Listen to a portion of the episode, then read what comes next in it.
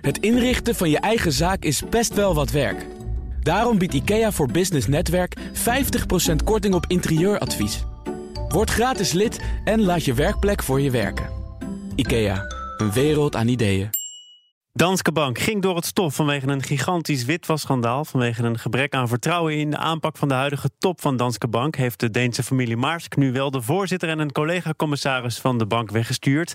En met 21 procent is de familie de grootste aandeelhouder van die bank. Daarover praten we met het boardroompanel bestaande uit Challing Teamstra... commissaris bij verschillende bedrijven. Helene Vletter, hoogleraar financieel recht en governance aan de Erasmus Universiteit... en onder andere commissaris bij Intertrust, NN Group en Barclays. En Tanja Nagel, voormalig CEO van Theodor Gillissen, commissaris bij EY en vandaag mijn zakenpartner. Welkom allen. Laten we het inderdaad eh, hebben over Danske Bank. Daar uh, is een gigantische wisseling aan de top nu aan de orde, omdat uh, de familie Maersk, als we het zo mogen noemen, zich heeft geroerd. Um, is dat, is dat opmerkelijk? Er wordt gezegd in het FD: deze normaal zo discrete familie toont nu zijn spierballen. Nou, op zichzelf voor een beursgenoteerde onderneming dat uh, één aandeelhouder uh, op die manier zijn stempel zet, is, uh, is best opmerkelijk. Ehm, dus ik denk ja. als je kijkt naar wat er in zijn geheel gebeurt. Even als je afstand neemt van wie dan het initiatief neemt, dan wekt dat misschien niet al te veel verbazing. Ik ken niet alle feiten, maar als je ook leest dat de SEC nu uitgebreid onderzoek aan het doen is en dat leidt in de praktijk meestal tot vrij uh, hoge boetes. Dan wekt het geen verbazing dat, uh, dat ze willen laten zien dat ze zelf maatregelen nemen. Ja. Challing Teamstra? Ja, ik ben het helemaal eens met Helen. Uh, ik denk dat in iedere situatie waarin een groot aandeelhouder in een beursgenoteerde onderneming aanwezig is, uh, die een bijzondere positie heeft. Uh, ook al omdat je in de eerste plaats de kennis natuurlijk voor alle aandeelhouders in principe hetzelfde moet zijn. Vanuit een wettelijk oogpunt. Maar ook dat je rekening mee moet houden dat uiteindelijk die grote aandeelhouder een hele belangrijke stem heeft. Maar je zult dus met name vanuit de commissarissen moeten zorgen dat je die uh, bijzondere rol van deze stakeholder, dat je daar goed mee omgaat. Ja, een bijzondere rol. Hij is al vrij dominant zo te zien dus. Nou, en daar is dus kennelijk iets misgegaan. Want normaal gesproken zou de Raad van Commissarissen... toch de gelegenheid hebben gekregen om in te grijpen... zonder dat daar ook was ingegrepen. Maar ik begreep dat de opvolger van de naar huis gestuurde CEO... niet goedgekeurd werd door de Centrale Bank. En dat dat reden was voor die uh, aandeelhouder om te zeggen... nou, dan moet de voorzitter van de RVC ook maar gaan. Ja, ze hadden een interne kandidaat naar voren geschoven... om de topman op te volgen. En die is inderdaad uh, niet goedgekeurd. Dat lijkt me dan wel het struikelblok. In ieder geval een van de struikelblokken. Uh, kijk, wat Challing zegt, of dat rechtvaardigt dat dan de, de grootaandeelhouder het initiatief neemt en zegt, uh, nou, en dan gaan we het nu als volgt doen. Dat is wel opmerkelijk. Dat ben ik helemaal met het FD eens. Ja, wat, ja. Moet je, wat moet je er eigenlijk als, als commissaris van vinden? Het lijkt mij eigenlijk niet, niet zo aantrekkelijk om te weten dat er een groot aandeelhouder is die zegt: Nou, als het ons niet bevalt, Tuurlijk, er is van alles aan de hand. Maar dan grijpen we in. Nou ja, het is in principe natuurlijk een fact of life. Als je, als je een groot aandeelhouder hebt dan zul je, uh, zoals het hoort, uh, elke beursgenoteerde onderneming heeft contact met zijn aandeelhouders en met name ook met zijn groot aandeelhouders. Dus uh, ik mag aannemen dat de agenda van deze groot aandeelhouder bekend is, dat die groot aandeelhouder die agenda dan op die manier uitvoert. Daar is op zijn zacht gezegd wel ja, in de ideale situatie is daar ruggenspraak over met de andere aandeelhouders. Ja. Ja, je moet natuurlijk uh, een, een, balans vinden tussen enerzijds de wettelijke situatie. Ik ben niet helemaal op de hoogte van de Deense Corporate Governance Code en wetgeving, maar aannemen dat. Ik altijd hem aankloppen hoor. aannemen dat hij niet uh, wezenlijk afwijkt van de Nederlandse, is het zeer ongebruikelijk dat een, uh, een, een aandeelhoudersvergadering uh, tussen, tussentijds door dat op deze manier zou doen. Normaal wat er dan zou gebeuren, die roepen een BAVA bij elkaar, waarin bijvoorbeeld, hè, dat hebben we bij andere bedrijven gezien, een motie van wantrouwen wordt ingediend om op die manier druk uit te oefenen op bijvoorbeeld de raad als geheel. Individuele commissarissen ontslaan door een aandeelhoudersvergadering is buitengewoon ongebruikelijk. Ja, dat gebeurt nu wel. Uh, nee, want die twee commissarissen die, die, die gaan naar huis. Uh, die mogen niet meer door. Uh, dat is dus nu gebeurd, dat is opmerkelijk. Nou ja, zeker. Maar het is niet een formeel aandeelhoudersbesluit wat hier gebeurt. En zo werkt het in de praktijk wel vaker. Je moet op een gegeven moment kijken hoe de strolls en de winds zijn. En daar moet je gevoel voor hebben. En als jij op een bepaald moment ziet dat dit deze kant op gaat, dan laat je het er niet op aankomen dat dat tot een formeel aandeelhoudersbesluit komt. Het gaat nog ietsje verder, want er gaan de, de twee zittende commissarissen die nog overblijven, die hebben aangekondigd dat ze geen uh, verlenging van hun termijn zoeken. Dus dat ze zullen terugtreden bij de volgende AVA. En ze zullen dan blijven nu om te zorgen voor een goede transitie. Ja. Dus in dat opzicht uh, is de koep wel uh, compleet. Want die twee commissarissen die zeggen we zijn niet herkiesbaar, die doen dat ook niet uit vrije wil. Je denkt dat ook op hen druk is uitgeoefend om die termijn dan nog net eventjes af te maken, een overgangsperiode te garanderen en dan. Ik ken ze zeker niet, maar als ik hoor dat ze, uh, als ik lees in het FD dat zij blijven voor een goede transitie, dan wekt dat in ieder geval de indruk dat ze niet van zins zijn om te blijven en zich herverkiesbaar te stellen. Ja. Tanja, toch nog eventjes over wat dan mogelijkerwijs uh, voor die grote aandeelhouder het moment was om in te grijpen. Namelijk die kandidaat, die interne kandidaat, die vervolgens niet wordt goedgekeurd.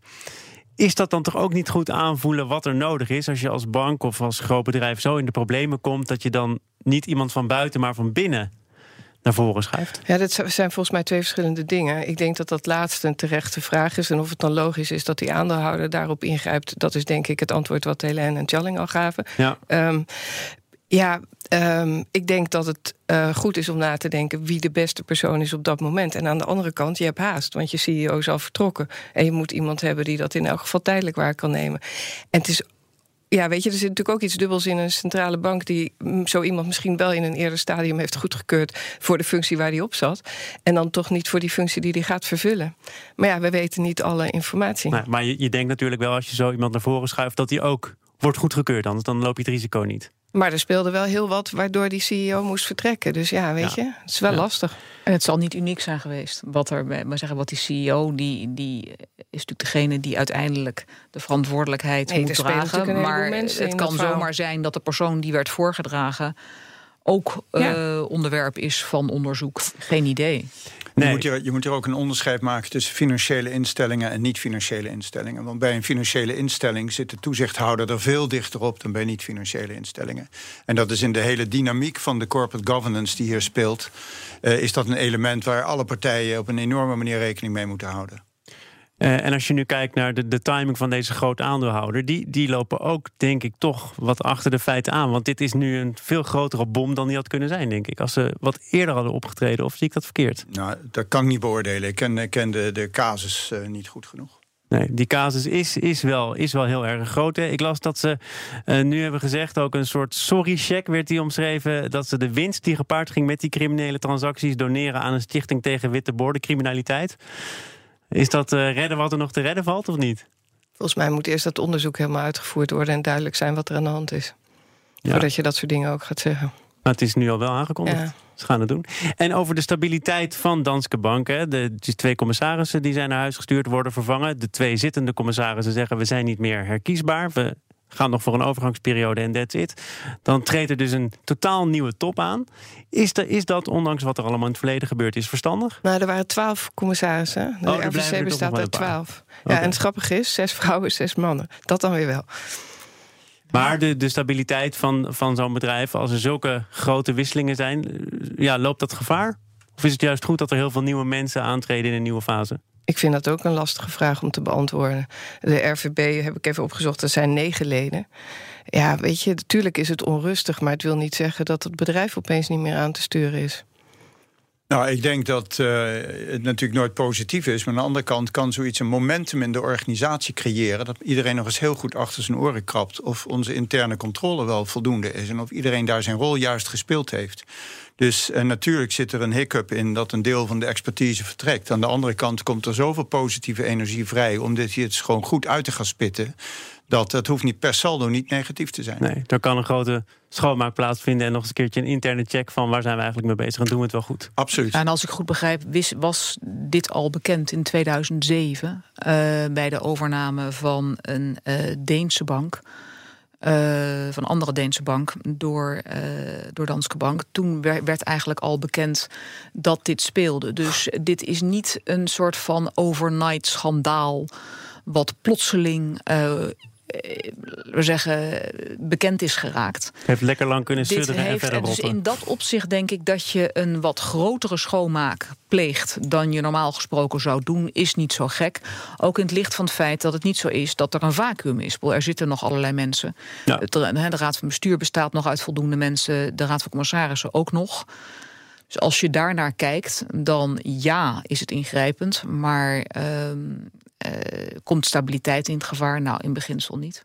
We gaan het hebben over plannen van eh, staatssecretaris Snel van Financiën. Want jaarlijks stroomt er ongeveer 20 miljard euro aan rente en royalties door Nederland, waarover bedrijven bijna geen belasting betalen. En de staatssecretaris hoopt die stroom op te drogen door een bronbelasting in te voeren. Challing, wat is precies die bronbelasting om mee te beginnen? Nou, Een bronbelasting is in beginsel eh, wanneer er een bepaalde geldstroom plaatsvindt, dat er een soort eh, fictioneel bedrag eh, geheven wordt, even wat niet, niet verder gekoppeld is aan, aan de eindbestemming van dat geld, maar wat gewoon op basis van eh, eh, de plek waar het geheven wordt eh, een, een eindheffing is, maar in, echt verderop geen eindheffing hoeft te zijn. Ik moet je toch even corrigeren op wat je net zei. Het is nou niet al het geld wat op deze wijze door het land, door brievenbussen, maatschappijen stroomt, wordt niet voldoende geheven. Eh, als ik het onderzoek goed begrepen heb, gaat het om ongeveer 10% Ja. van 200 miljard. En die 10%, 12 miljard heb ik begrepen, eh, daarvan eh, heeft, is, is het onderzoek van mening eh, dat daar ehm, eh, te weinig uiteindelijk in, het hele, in de hele stroom, ook bij de, bij de bestemmingslanden, te weinig wordt geheven. En daarvoor wil de minister een bronheffing invoeren. En is dat een goed idee? Ik weet het niet. Ik ben in zijn algemeenheid eh, geen eh, voorstander van constructies die er uiteindelijk eh, alleen maar voor zijn om belasting te vermijden. Dus als dit iets is wat dat kan ontmoedigen, dan ben ik ervoor. Maar op het moment, ik weet niet of die 12 miljard allemaal alleen om die reden door deze brievenbusmaatschappijen naar deze landen toe gaat. Dat kan ik niet beoordelen. Maar- wat suggereer daarmee? Er zullen andere motieven ook nog Nou, spelen? kunnen, het kan zijn dat binnen die 12 miljard, om daar nog maar even op te concentreren, er stromen zijn die gewoon om rationeel te verantwoorden en bedrijfskundig te verantwoorden redenen naar die landen toe gaan. En we, we stappen daar te snel overheen en we zeggen het zal wel vooral fiscaal gedreven zijn. Nederland, doorsluisparadijs. Ja, ik denk dat je die conclusie niet te snel moet trekken. En dat je moet realiseren, is dan die bronheffing op dat moment een logische toevoeging aan de totale belasting van die hele geldstroom? Ja, ik denk inderdaad dat de discussie gewoon wat breder is. Want waar het eigenlijk om gaat, is om. eh, eh, de discussie gaat van. eh, gebruiken multinationals Nederland om, om belasting te ontwijken?